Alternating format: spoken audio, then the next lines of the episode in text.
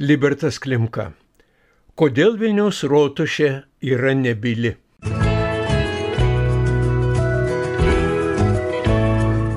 Viduramžiais būdavo sakoma, kad miestas be rotušės laikrodžio ir jo varpų aklas bei kurčias. 13 amžiaus pabaigoje, 14 amžiaus pirmoje pusėje mechaniniai laikrodžiai staiga paplito įvairiuose Europos miestuose, išdidžiai darydamėsi iš rotušių, katedrų ir pilių bokšto aukštybių. Šio tiksliausio viduramžių prietaiso atsiradimą lėmė tinkamai susiklošysios istorinės bei ekonominės sąlygos.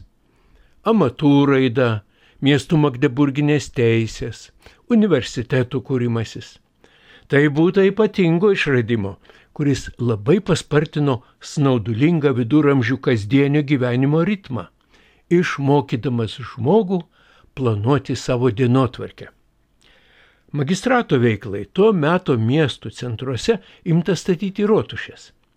Tai pati svarbiausia miesto politinį, juridinį, ekonominį, visuomeninį ir kultūrinį gyvenimą organizuojanti įstaiga.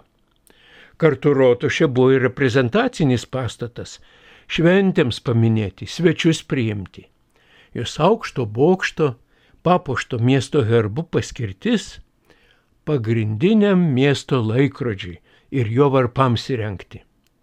Pagal rotušės laikrodžio varpų dūžius atsiverdavo miesto vartai, prasidėdavo prekymečiai, magistrato, pirklių gildijų ir amatų cechų meistrų susirinkimai, miestelėnų šventės.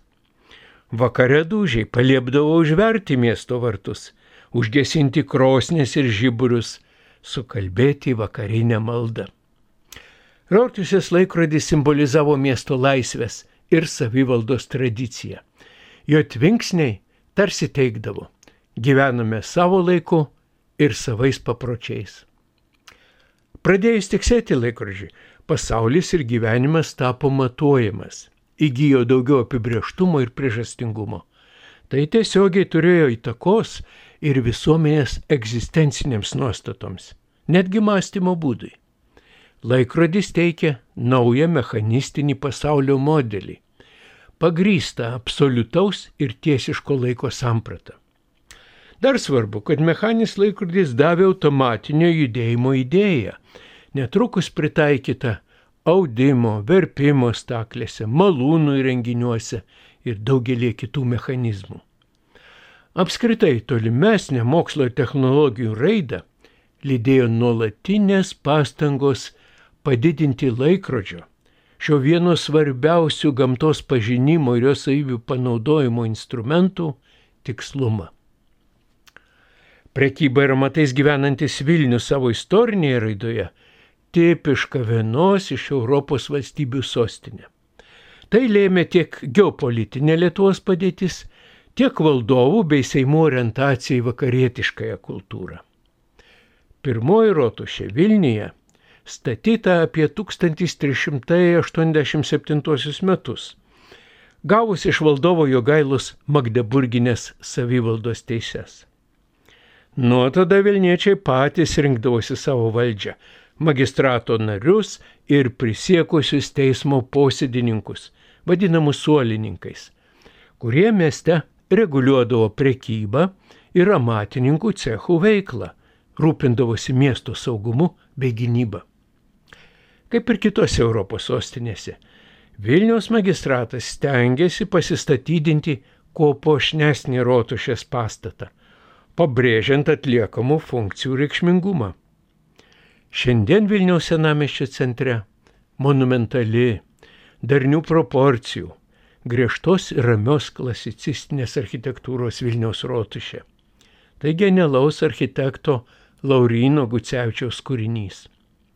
O pats seniausias išlikęs Vilniaus rotušės vaizdas iš 1581 metais išleisto Europos miestų atlaso Civitatis Orbis Terrarum, kurį sudarė Georgas Braunas ir Francas Hogenbergas.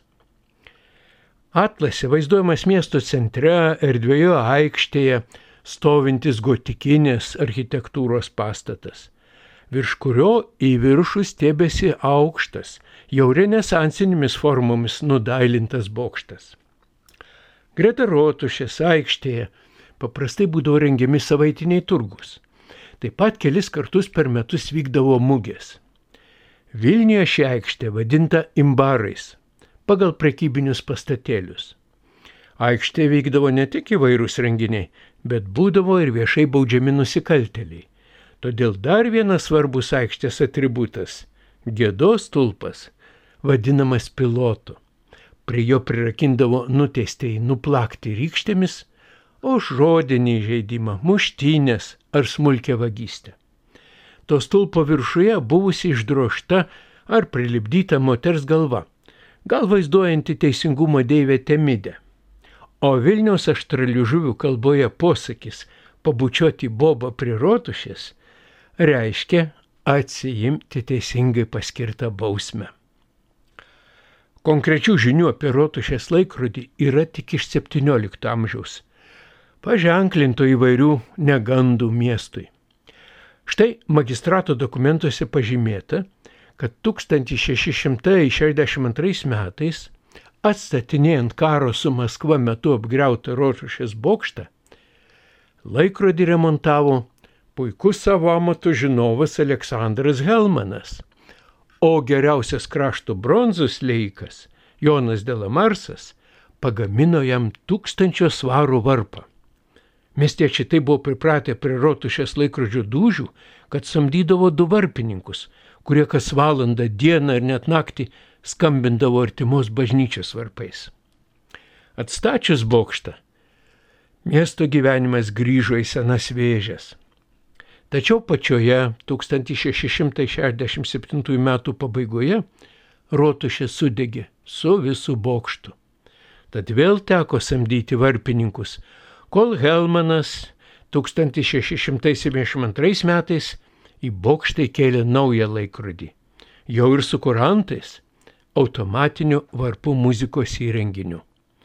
Bokšto viršūnė siekusi 138 pėdas, tai apie 45 metrus, buvo padabinta dailė kaltinė vietrungė.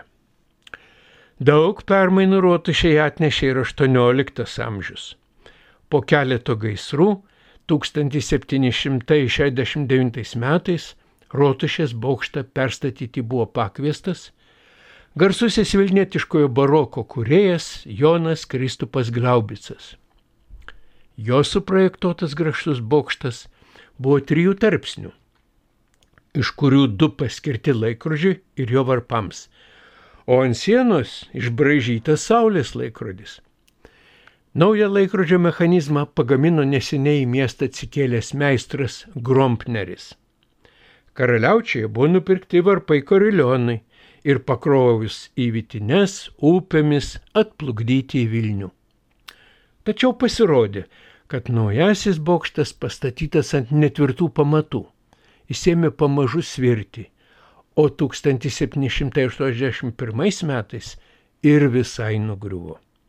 Laikrodį spėta išgelbėti. Laikrodininkų cecho seniūnas Josefas Bergmanas jį iškėlė iš pasvirusio bokštą ir įmantavo į kairįjį Švento Kazimieros bažnyčios bokštelį. Perdirbant 1840 metais šią bažnyčią į cerkvę, mechanizmas atiduotas į metalo laužą. Tad svarbiausioji miesto aikštė liko akla ir kurčia. Architektas Laurinas Gucevičius, projektuodamas klacisistinį rotušės pastatą, pagal senasias tradicijas laikrodžiui numatė įspūdingą bokštą. Tačiau statyba buvo užbaiginėjama XIX amžiaus pradžioje, kai Lietuva jau prarado nepriklausomybę. Rusijos imperijos valdžia savivaldos teisių nepripažino, tad nereikėjo ir jo simbolių. Didingas rotušės pastatas buvo paverstas provincijos miesto teatru. Reprezentacinės funkcijos rotušės pastatui gražintos tik po 1936-39 metų restauracijos. O jos aikštė iki šiol nėra atgavusi buvusio gyvybingumo. Gal tik Kaziuko Baltramėjaus mugės, kalėdinis prekymetis pripildo ją kiek daugiau didmestiško šurmulio. Vilnius gyventojų savimoniai miesto centras tai irgi katedra, jos varpinė ir valdovų rūmai. O juk tradiciniai viduramžių urbanistikai būdinga jungtis tarp dviejų lygio verčių miesto centrų - dvasinio ir kasdienio gyvenimo, pagrindinė šventovės ir rotušės. Valstybės lygmens šventės ir renginiai viename polyje, miesto lygmens kitame. Ar Vilnius pajėgus po šimtmečių atitaisyti istorinę neteisybę ir vėl išsirengti rotušės laikrodį kaip savivaldos simbolį? Kad būtų visiškai aišku, jog rotušės ir archikatedros jungtis didžiai ir pilies gatvelėmis yra svarbiausia Vilniaus senamiščio šis. Akivaizdu, jog rotušės aikštės gyvybingumui labai trūksta architektūrinio meninio akcento.